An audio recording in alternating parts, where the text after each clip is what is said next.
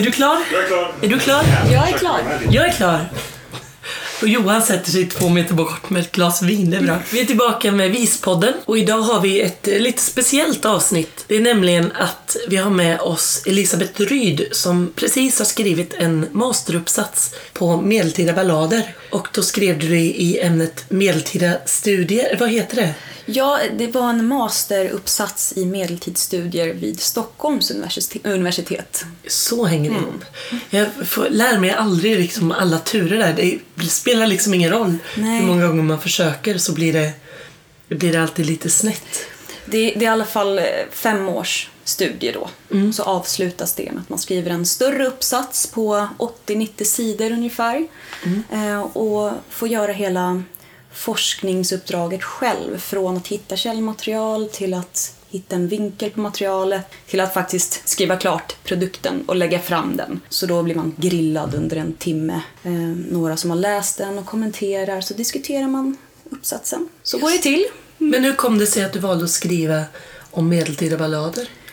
Det var lite av en slump. Det är ganska svårt, tycker jag, att hitta ett källmaterial em, i Sverige så.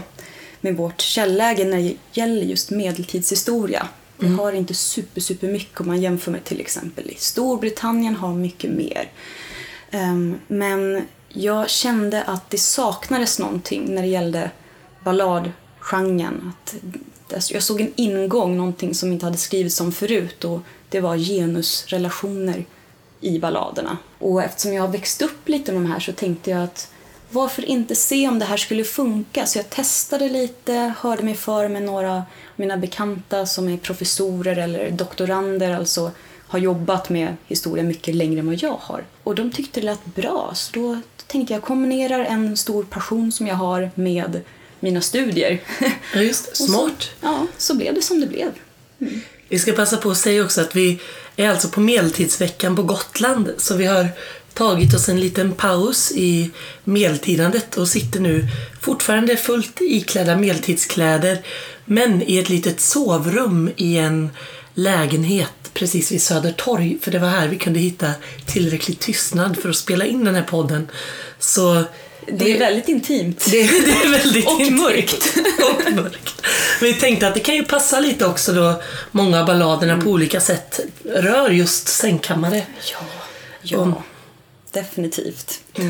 Det är också därför vi låter lite hesa. Vi har varit runt och spelat och sjungit här på olika sätt i sju dagar och sex dagar. Vilken dag är vi på? Fredag? Sex dagar.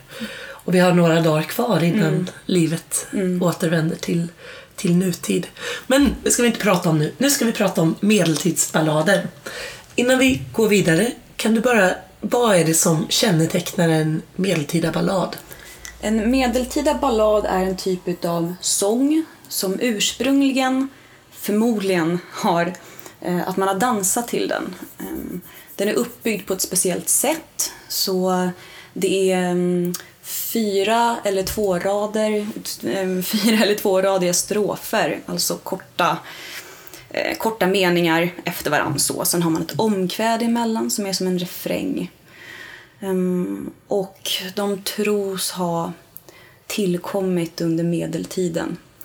Mm, förmodligen 1200-tal, sent 1200-tal. Ehm, man vet att, eller man tror, det är mycket som är oklart med balladerna måste jag poängtera. Men, men att de var en del av det skandinaviska samhället, i alla fall i början av 1300-talet. Men balladerna, hur pass, hur, varifrån kommer de? Är, de? är det en europeisk företeelse som har kommit hit eller är det, har- var, var har det uppstått? Mm. Det, det, det är lite svårt att veta. Det finns ballader över hela Europa som man kallar för ballader. Men olika länder definierar dem på olika sätt. Så i Sverige har man ganska, och, och Danmark och Norge och Färöarna har man väldigt snävt hur man ska definiera en ballad. I England så ser de lite annorlunda ut men idag kallas de fortfarande för ballader. Många år kallar man dem helt enkelt för folkvisor. Så det, det beror lite på, men just de skandinaviska balladerna de liknar varandra ganska mycket. Eh, ofta så finns de ja, olika versioner i Sverige, i Danmark, i Norge, på Färöarna. Och då är det just ofta det här med omkväden, få strofer. Ja. Vi kanske ska börja faktiskt med ett exempel så Det kanske, Så- är, ja, det kanske är lättast. Och då, då tänker jag på att en, en grupp som har spelat väldigt mycket ballader som också har gjort sig väldigt kända och som på något sätt, nu får du rätta mig, men jag kan uppleva att det är de som har verkligen återupplivat balladen till, till vår tid. Och det är Folk och rackare. Och de har en ballad som heter Två systrarna. Den, visst stämmer det att den har två fraser, strofer med det här omkvädet? Att det är ett väldigt bra exempel på just den typen av ballad. Ja, men absolut. Den, eh, de här balladerna har varit inom historisk forskning har de varit eh, ja, man har grundforskat på dem väldigt mycket från 1800-talet och framåt. Men att de blev kända för en bredare massa, ja, mycket gröna vågen, det är 1970-tal och mm, en väldigt tidig folkmusikgrupp som då, ja, folk och rackare gjorde de här ganska kända. Och nu tror jag att de är lite mer kända än vad de var på 70-talet. Jag tror det. Jag skulle tro det också. Vi lyssnar på den. Balladen om de två systrarna med Folk och rackare. Där bodde en bonde vid sjöa strand Blåser kallt, kallt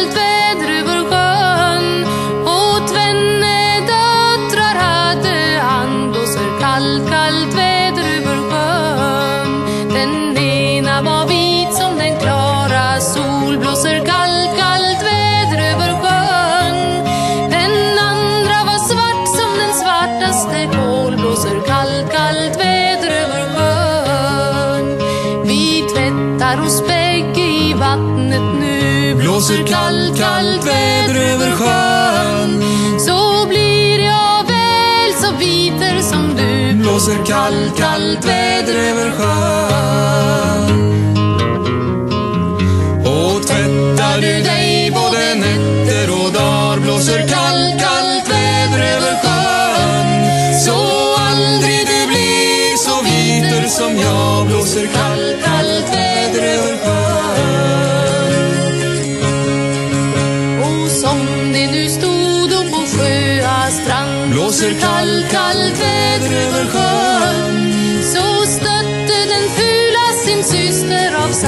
Blåser kallt, kallt väder över sjön.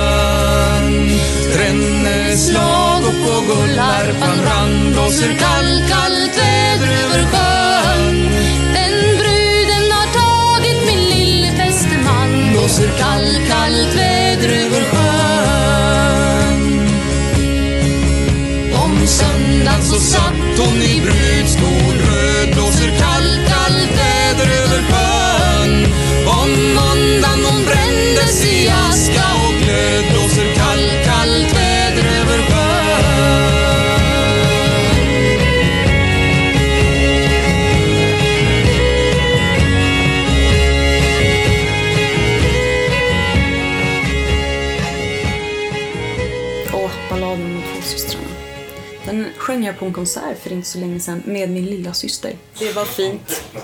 Mormor och morf morfar satt och grät. Mamma och pappa tyckte det var jättehemskt. Eh, och så turades vi om att sjunga eh, de olika stroferna. Eh, Så att det blev som man svarade varandra och hon bara “snälla hjälp upp mig ur vattnet”. Jag bara “nej, nej, nej”. Men här är det ju massa instrument och grejer. Det tror jag mig ha hört att man inte hade. Eller?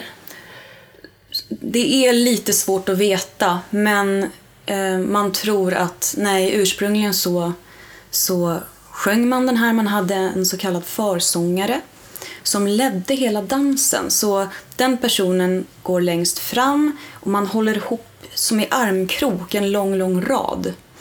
Och sen tar man två steg framåt, ett steg bakåt under hela visan, under den här dansvisan. Och försångaren kan hela balladen. Sen får man jättegärna hänga med på det man kan. Till exempel omkvädet. Och som ni hörde, omkvädet det är alltså samma hela tiden. Man upprepar det under varje vers. Och det är förmodligen för att det ska vara lätt för alla att hänga med och att engagera sig i låten. De, de här omkvädena, de, ja, det finns ett, några stycken omkväden som går i jättemånga olika ballader så man hör det återigen, typ det blåser kallt, kallt väder över sjön ehm, och så. Så att ja, man har, man har dansat. Och så är det liljeträd. Det känns som ett sånt Ja. här... Hur man än gör så är det blåst och liljeträd i omkvädena. Och mycket, som ni hörde, det rimmar ju lite då och då. Inte alltid, och det behöver inte vara superbra rim heller. Så ibland så kan det vara att vin har man rimmat på kind. Ja, men det, det funkar. Det är tillräckligt likt för att det ska gå. Kör på nära Ja, nog-principen. ja. Mm. Men vad tror du om det? Tror du att det, är, att det var så från början? Att den liksom är på något sätt skriven så? Eller tror du att det är ett resultat av, av eh, tradering? Det måste vara både och, säger jag. Det, det är ju lite... Just eftersom de här balladerna, de som man känner till, till exempel i Sverige har vi drygt 260 stycken balladtyper, alltså olika ballader med olika historier. Och de har man nedtecknat, alltså en balladtyp har man nedtecknat i många olika versioner. De flesta nedtecknade varianterna är från 1700-talet men framförallt 18 och tidigt 1900-tal när man fick ett stort intresse för att försöka bevara den här folkliga kulturskatten. Eh, De belägg som vi har från medeltiden, alltså de nedskrivna balladerna från medeltiden, de är väldigt fragmentariska. Men det, det, är ju, det är ju spännande alltså det här hela, hela när man tittar på den folkliga viskulturen överlag.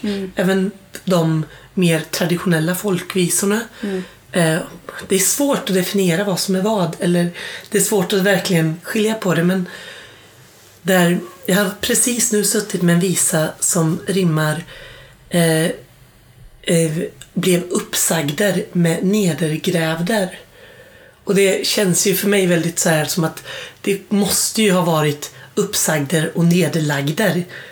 Det har säkert eh, varit liknande med balladerna också. Och var, varenda eh, traditionsbärare, de som sjunger de här balladerna, de, de gör ju sina små egna ändringar. Vad de, de ändrar till någonting som de tycker är bra eller de kanske är missnöjda med något balladslut. Då har de helt enkelt bytt ut det. Eh, då har man fått eh, korsbefruktningar utav olika ballader. Så man har två balladtyper och sen har en traditionsförmedlare helt enkelt blandat ihop de två för att hen tyckte helt enkelt att det lät bättre. Eller att man har bara blandat ihop dem helt enkelt. Så att det blir ju ett himla hopkok och ett virrvarr ibland. Och det är många forskare som har suttit och slagit sina kloka huvuden ihop och försökt renskriva de här balladerna. Hur kan ursprungstypen ha sett ut? Men då tycker jag i alla fall personligen att man går ju lite det som är fint med balladerna förbi. Att det finns så många balladversioner som det finns traditionsförmedlare, alltså sångare. För man gör sin egen grej av det. Jag kan ju också tycka att när vi pratar om medeltida ballader att ju senare de är nerskrivna ju mer värdefulla är de för oss idag för att då har vi en chans att förstå vad det är det handlar om. Ibland tidiga ballader är svåra att ens greppa. Ibland förstår man inte ens orden och språkbruket om man då inte kan just det. Men för mig som är en lekman eh, jag tycker att jag tycker om historia, jag älskar de medeltida balladerna men jag kan inte det äldre språket. Det är ju, det är ju som att läsa Ja. ett helt annat språk. Ja, definitivt. Och precis som du säger, både språket i sig men innehållet kan kännas väldigt främmande för oss också. Eh, många ballader är ju fruktansvärt hemska. Och det är en, för oss här i Sverige idag en ganska taskig kvinnosyn många gånger. Och det är manliga män som gör manliga saker och kvinnorna de, jag skulle inte vilja säga att de är offer i situationen, men de, de eh, det är ofta männen som sätter upp villkoren för händelseutvecklingen i balladerna och kvinnorna bara följer med lite. Det finns såklart exempel på ballader med kvinnor som är väldigt starka eller att de anpassa sig efter situationen och lyckas vända på allting av egen kraft. Men ofta så är det en äldre, äldre, genus, äldre genusrelationer helt enkelt. Och det var det jag kollade på mycket. Mm. Just det. Jag kan tänka, jag tänker på, nu kommer jag inte ihåg vad den heter, men du vet rätt säkert vilken jag menar. Jag tycker den är så talande för könsroller i ballader. Och det är en man som kommer in, han friar till en kvinna. Hon säger nej. Då rider han in på hennes gård och så slår han ihjäl alla hennes tjänare och hela hennes familj. Och så rider han med henne knuten runt sadelknoppen genom skogen. Ja, Och så står det ganska utförligt beskrivet om hon, hur hon blir sönderriven på stenar och kvistar. Och när de väl kommer fram till hans gård så lever de lyckliga alla sina dagar. ja. Och just det där, just det där slutet, det får lite att vända sig i magen på mig. Både på ett hisnande och på ett så här skräckslaget sätt. För att hur, hur, alltså ända fram dit så är det okej, det här är en väldigt, väldigt tråkig kvinnosyn. Men när man vänder det till att man tänker sig att någon som kan ha blivit utsatt för det här kan bli nöjd. Bara man flyttar henne till ett ställe. Då, då är det, Vet du vilken ballad jag menar? Ja, och det finns flera liknande. Ja. Ja det finns ju liknande hemska situationer där kvinnor också blir lägrade. Alltså de blir i princip våldtagna och sen efter att de har blivit våldtagna, de, är väldigt, de vill inte ha den här killen från början men sen händer den här, sker den här våldtäkten och efteråt så är det precis samma sak att hon ändrar sig och tycker nu att nu ska vi vara gifta och leva tillsammans. Och slutar det lyckligt. Och det blir... Det, Det är nästan mer provocerande att de slutar lyckligt. Det är någonstans där som det lite skär i bröstet. Men man känner, men kan inte, kan det inte åtminstone sluta med att hon är olycklig i äktenskapet? För att det här känns inte okej. Men Och det finns eh, andra liknande där en kvinna blivit utsatt för våld eller någon typ av kränkning och sen skär hon halsen utav förövaren i sömnen. Och det var ju fruktansvärt skamligt då att bli dödad, mördad i sömnen av en kvinna. Eh, Så de är ju tragiska på ett annat sätt. Men där känner jag ändå att ah, det är girl power. You go, you go girl! You had it coming. det blir en väldigt stor skillnad på, på då, då gör man ju inte, alltså i de, i de här första exemplen vi hade med när man tycker att ja, men då löser det sig här bra. Då är det en väldigt, då är det på något vis en kvinnosyn som säger att du, om jag bara talar om för dig att du är glad så kommer du bli glad. Det är lugnt. Det är ju, hur illa det än låter, ett värre alternativ. Ja, definitivt. Mm. Ja, men sen nu kom vi in på de lite mörkare balladerna, men det finns ju många som är helt annorlunda. Balladerna delas ofta in i olika kategorier. Till exempel har man riddarvisor eller riddarballader som är största gruppen ballader. Och då är det precis det här att det är en riddare och det är en jungfru och det händer massa saker. Och. Mm. Men sen finns det några som kallas för skämtballader och där, där vänder man lite på alla de här äh, på relationen mellan manligt och kvinnligt och vad som är upp och vad som är ner. Många handlar om djur som ska föreställa vara adelspersoner eller kungar fast det är, det är liksom dolt. Men man vet att det handlar om Eh, att det är präster som dricker och super och beter sig dåligt eller kungar som sitter och virkar. Eh, och drängen är den som får bestämma över alla. Att det blir verkligen upp och nervända världen. Eh, och där har man ett, en annan attityd till till exempel sexualitet. Att där är många starka kvinnor som bara tar tag i en man som de vill ha, utnyttjar honom. Och det är ju också hemskt, så, såklart. Men, men att där, där har man mer ehm, en a, mer avslappnad inställning till sex och samlevnad som eh, för oss idag, tror jag, är väldigt tilltalande. Ehm, mm. Det där är ju också, det där är ju också spännande hur man förhåller sig till ballader 2017. Och jag kan uppleva lite, framförallt nu när man rör sig över medeltidsveckan, så finns det lite två läger. Där det ena lägret säger att det var så här det var och då är det så det kan vara. Eller det är inte så det kan vara, men då är det inget man ska ifrågasätta idag. Och det andra lägret säger att jo, man måste alltid ifrågasätta sätta vad man gör oavsett om man gör en historisk återskapning så måste man tänka på att det är 2017 vi lever i. Och Det där kan jag tycka är svårt. Jag kan tycka det är så när man gör en, en eh, konsert med ballader att det kan vara okej att ha med någon eller ett par som inte har en riktigt kul värdegrund. Men då får man väga upp det ordentligt och sätta det i det perspektivet och vara noga med att man presenterar hela kakan på något vis. Att inte bara... Ja, eh, absolut. Och att, att man håller, att man har den diskussionen eller man adresserar eh, den här äldre kvinnosynen eller de här olika föreställningsvärdena som man möter i balladerna. Det, jag håller med, jag tycker det är viktigt. Men det visar också vår historia, både i Sverige, Skandinavien, i Europa. Eh, Jag som historiker kan ju se my- mycket strukturer som finns idag kan man ju känna igen från medeltiden. Vissa saker har inte hänt så mycket med. Nej men jag tror jag förstår vad du menar. Och det finns, en, det finns även idag om man ska, med tanke på att vi precis pratade om könsstrukturer, så har vi ju fortfarande idag en könsstruktur som man behöver ifrågasätta hela tiden på olika sätt.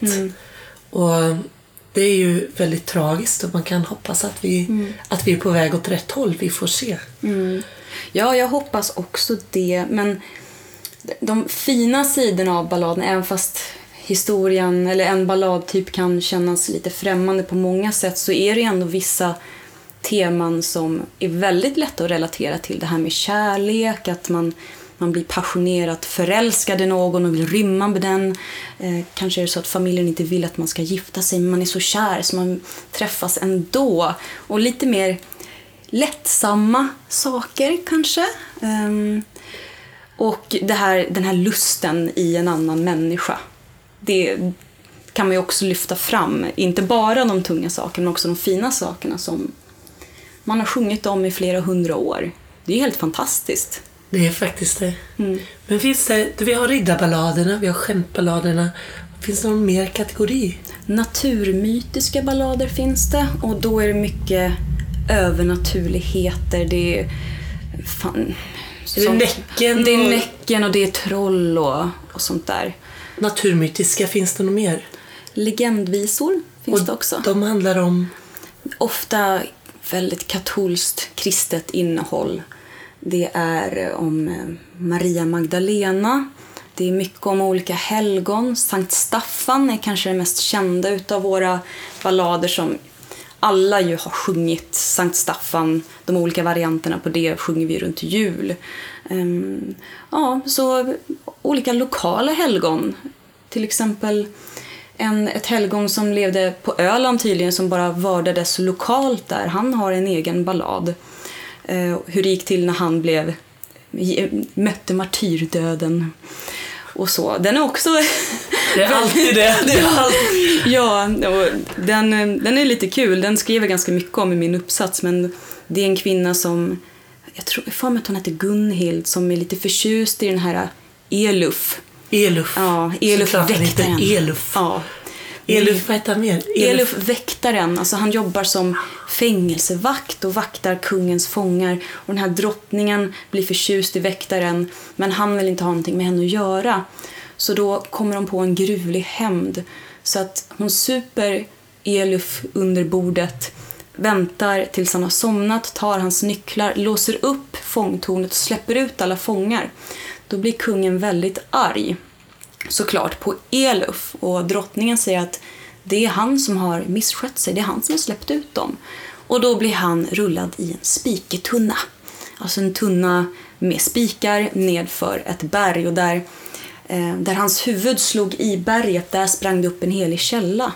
Tydligen låg det ett kapell där tillägnat det lokala helgonet under väldigt lång tid. Jag tror det finns ja, men minnesmärken även, även idag på Öland.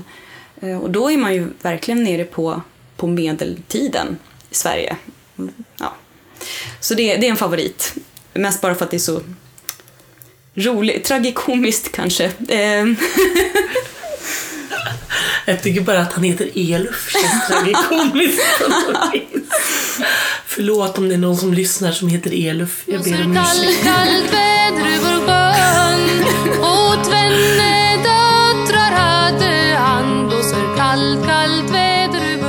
Men om vi nu är på medeltiden och pratar om ballader. I vilken samhällsklass rör vi oss? Är det adel eller är det skomakarlärlingen som sjunger där? Mm. Det är återigen lite svårt med just medeltiden ehm, och de skriftliga källor som vi har på balladerna för det finns inte så himla mycket att läsa, alltså inte hela bevarade ballader från svensk medeltid. Så där får man kolla på små fragment, bara små strofer här och var som man har bevarat.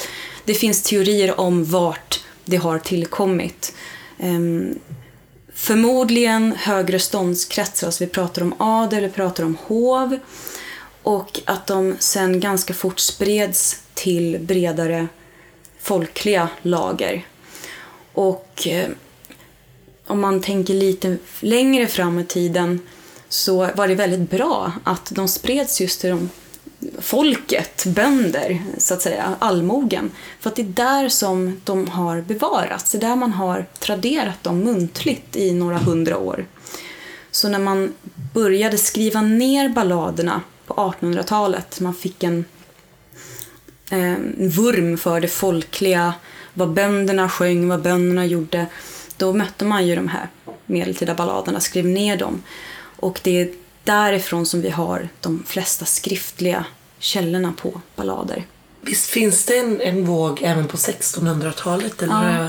Jo, precis, för då, då vill man ju ha ett eh, ärorikt svenskt förflutet och då kollar man också på balladerna. Så ja, i olika omgångar har de varit av intresse för olika forskare och för, för adel och för ja, så. Men, men eh, den större delen av de balladtyper som vi har här i Sverige, då är det 1800-tal och 1900, tidigt 1900-tal.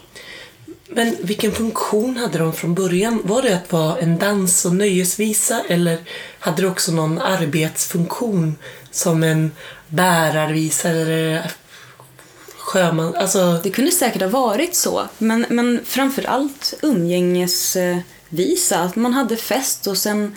Det här var ju långt innan man kunde sysselsätta sig med att kolla på film eller spela in, lyssna på skivor och sånt där. Man var ju tvungen att få tiden att gå. Hitta andra sätt att umgås och andra sätt att festa än vad vi gör idag. Och då var dansen ett väldigt bra uttryck för det. Så eh, det måste jag säga att just balladdansen ehm, försvann på någon, någon, någon gång måste dansen ha försvunnit lite från de här balladerna för att man har inte alltid dansat till det. Men på Färöarna där är det en levande tradition som man tror komma från medeltiden. Så där har man dansat till de här balladerna i en obruten tradition sedan ja, men åtminstone 1300-1400-tal. Det har vi ju tappat här i Sverige. Det där är ju så häftigt. Jag, jag var på Färöarna och såg fram emot att nu, nu ska jag få dansa balladans. Men de tittade bara på mig och sa, men vi har fasta nu. Och allt annat, allt annat gick att göra under fastan. Det fanns liksom inga hinder för att gå ut och festa och göra den typen av saker eller spela annan musik. Ja. Men balladerna, det var tvärnej. Nej men. Sen vet inte jag om det bara var de jag mötte. Men de tittade på mig som om jag inte var klok när jag frågade och sa nej, det här, det, det gör vi inte nu vet du. Det gör vi sen när det inte är fasta. Alldeles för arbetsamt. Alldeles för jobbigt att dansa balladans. Ja, kan man tänka sig. Jo, men det, det kan ju ta en stund att sjunga de här balladerna. Vissa, är ju, vissa har eh, över 200 verser. Då tar det ju ett tag innan man har sjungit visan från början till slut. Man kan ju inte avsluta den mitt i för då får man ju inte reda på vad som händer i visan. Precis. Det där är ju en rolig bild. Jag ser just nu framför mig en medeltida miljö där det sitter några barn och sjunger ballader och föräldrarna säger nej, nu får ni sluta sjunga ballader och komma in och umgås istället. Vi ska bara sjunga klart. Just ja. Alltså jag har snart klarat den här versen. Kan jag inte få sjunga klart? Tre timmar senare. Ah, gode tid. Den här dansen, jag hörde någon beskriva den väldigt fint som en foxtrot på ring. Ja, just Visst är det en fin ja. beskrivning? Verkligen. Fast mycket bättre än en foxtrot för man får så mycket mer ut Man av får det. helt klart mycket mer. Jag kan bli så fascinerad av det för att ofta så är de första tio minuterna ganska plågsamma. Eller det finns en, en så här tio minuter, en kvart då man känner men ah, tar det aldrig slut? Och sen helt plötsligt vid 20 minuter så känner man att då infinner sig någon form av meditativt lugn. Och då kan man få stå där och vagga för alltid och det känns jättebra. Det, det är flera som har beskrivit just balladdansen på det sättet som du säger. Att man kommer in i det, att det blir nästan som en, ett transliknande tillstånd. Um, och det kan jag tänka mig säkert har hänt förr i världen också, att man kommer in i det här. Så gör man det tillsammans. Att, att det, man, man bryter inte magin, utan nej, nu kör man och håller på. Mm. Men hur mycket sanning ligger i dem? Finns det mycket berättelser som är rena dokumentationer av vad som faktiskt hände? Ja, det, det finns några eh, historiska ballader i en, en till typ utav ballad. Och de handlar om saker som har hänt. Eh, Vreta klosterrov finns det en ballad som heter och då är det en kille som rövar bort en jungfru ett kloster för att gifta sig med henne. Och det här har man belägg för att det har hänt under medeltiden i Sverige.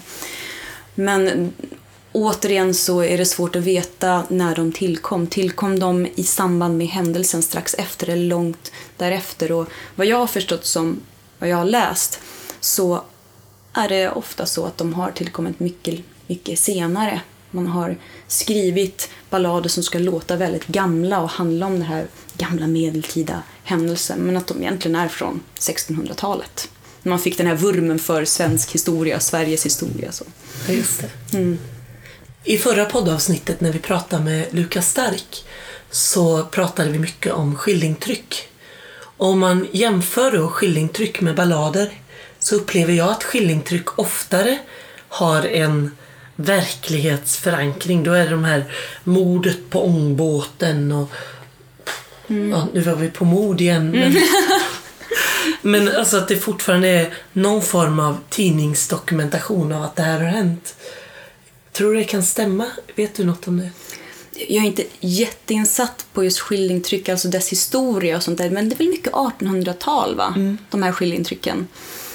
Mm, jag tror att där handlar det så mycket om vad man har för belägg. Som sagt, det är ju så svårt med balladerna, alltså dess ursprung och allting. Det, det är nog lättare att, eh, att kolla när det gäller 1800-tal med skillingtryck och så. Eh, och sen innehållet i balladerna är oftast inte så verkligt.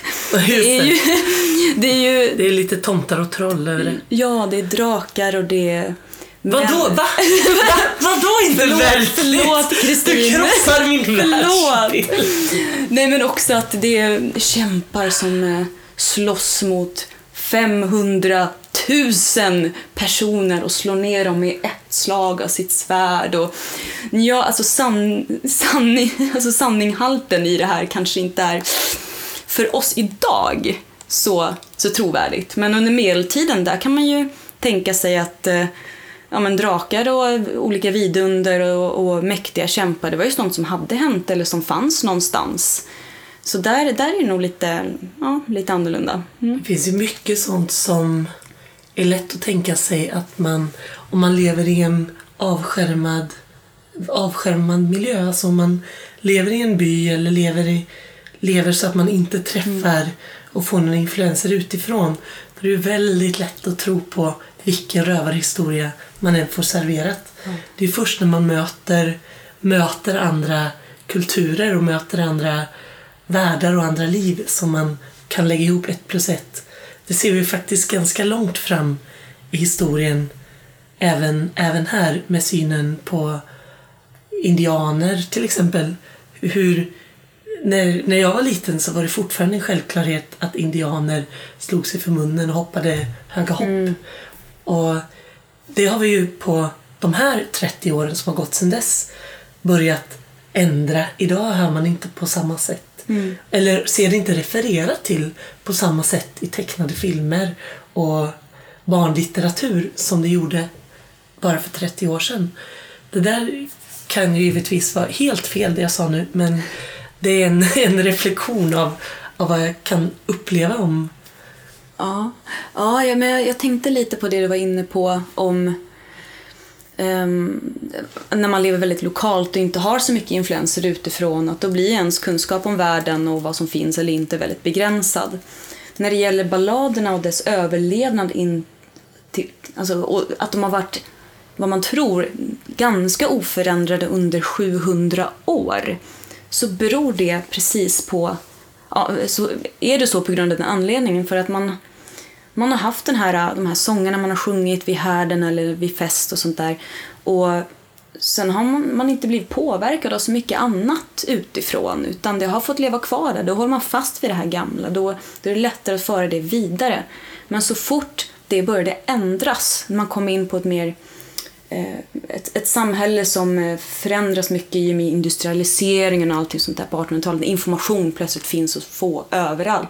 Då får man in så mycket influenser att balladerna nästan försvinner. Det är då man tänker att vi måste bevara dem. Det är därför som man skrev ner så många under just den tiden.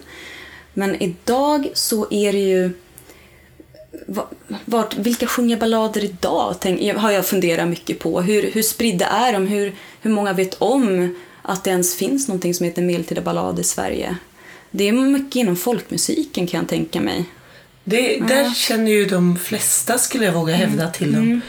Jag tänker att balladerna också fortfarande ligger kvar som en sak man lär sig i skolan. Att det, det ingår fortfarande i svenskundervisningen att lära sig att åtminstone veta att det här har existerat. Men det... Det är svårt att tänka sig utifrån hur det är om man inte växer upp i en folkmusikfamilj där det var självklart att man skulle sjunga hemska skillingtryck och man skulle eh, sjunga de två systrarna till exempel. Att, att, ja, just den balladen också är för övrigt, det hann jag inte säga förut, men, men den är ju för övrigt så underbar och hemsk. Och det var, det var den första balladen som jag själv hörde, så den ligger ganska nära mitt hjärta.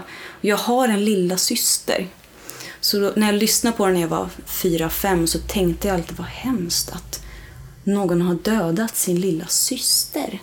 Och också det här att vad gör man om man, har, om man hittar ett lik som ligger och flyter i vattnet? Ja, ja, jag gör ett instrument av henne. Och sen ska jag spela på det instrumentet. Det var också var mindblown när jag hörde den när jag var liten. Bara, Hur går det här till egentligen?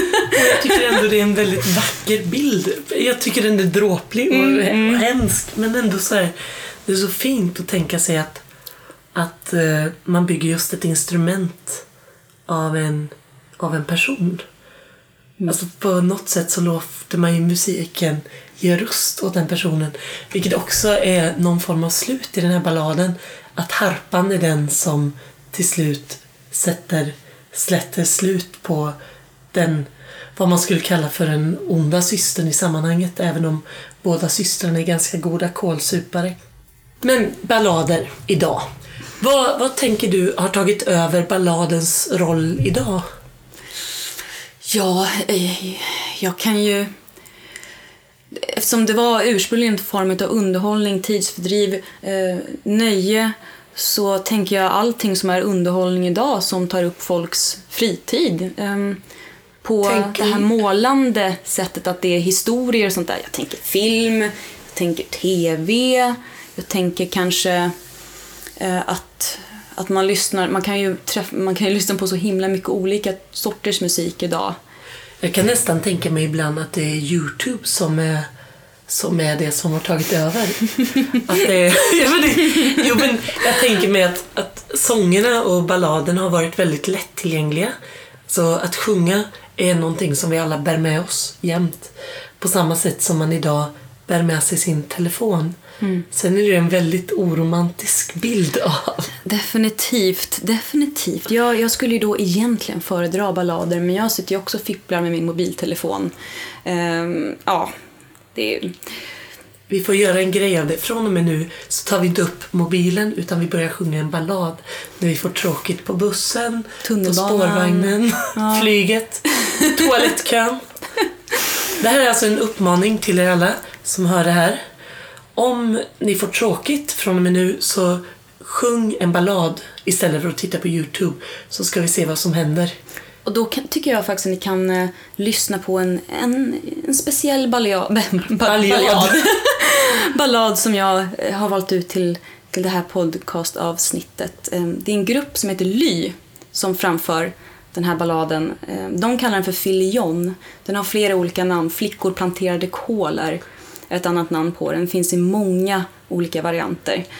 Och anledningen till att jag valde den är för att den har så konstigt omkväde. Jag ska inte avslöja för mycket nu, men ni kommer förstå när ni lyssnar på den. Ehm, ja, Och med det så lämnar vi er för det här avsnittet. Tack Elisabeth för att du har varit med. Tack Johan. tack själva. Och vi tänker fortsätta ut i Visbynatten nu och leva i den romantiserade låtsasvärld som är medeltiden 2017. Men det är den vi gillar, tror jag, egentligen mer än den medeltid som faktiskt existerade. Så ta hand om er. Nu blir det en ballad. Det gick åt tre flickor planterande kål för det nionde filion. Då kom åt tre sjömän och såg där på alla de som skulle prata liv i lajon. Fram kom en snurrig i hoppandes till navel och skulle se min davel dig för i Ballikutta höj filion. Och så stängde de dörren med stickor och strån för det nionde filion. Att inga sjömänner skulle komma där in alla som skulle prata liv i lajon. Fram kom en snurrig i hoppandes ut i navel skulle se min davel a dig för i Ballikutta hej filion. Ja, så blåste det upp en sydvästlig vind för den nionde filion Och dörren gick upp och sjömännen in alla de som skulle gå liv i lajon Fram kom en snurrig buss i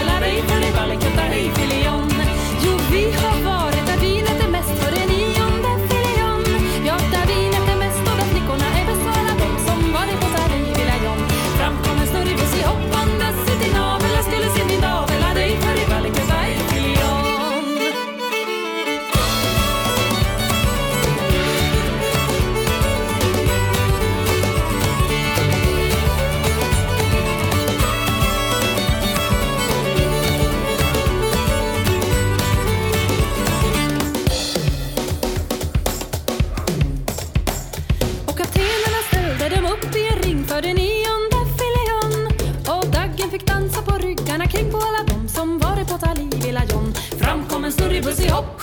Bandes ut i navel, jag skulle se min davel Ej för i Ballikutta, hej filion Och snälla kaptenen, slå inte så hårt för den nionde filion För det svider och kliar i skinnet så svårt så alla dom som varit på Tali Villa John. Fram kom en snurrig buss i hopp, bandes ut i navel. Jag skulle se min davel Ej för i Ballikutta, hej filion Ja, nog får ni era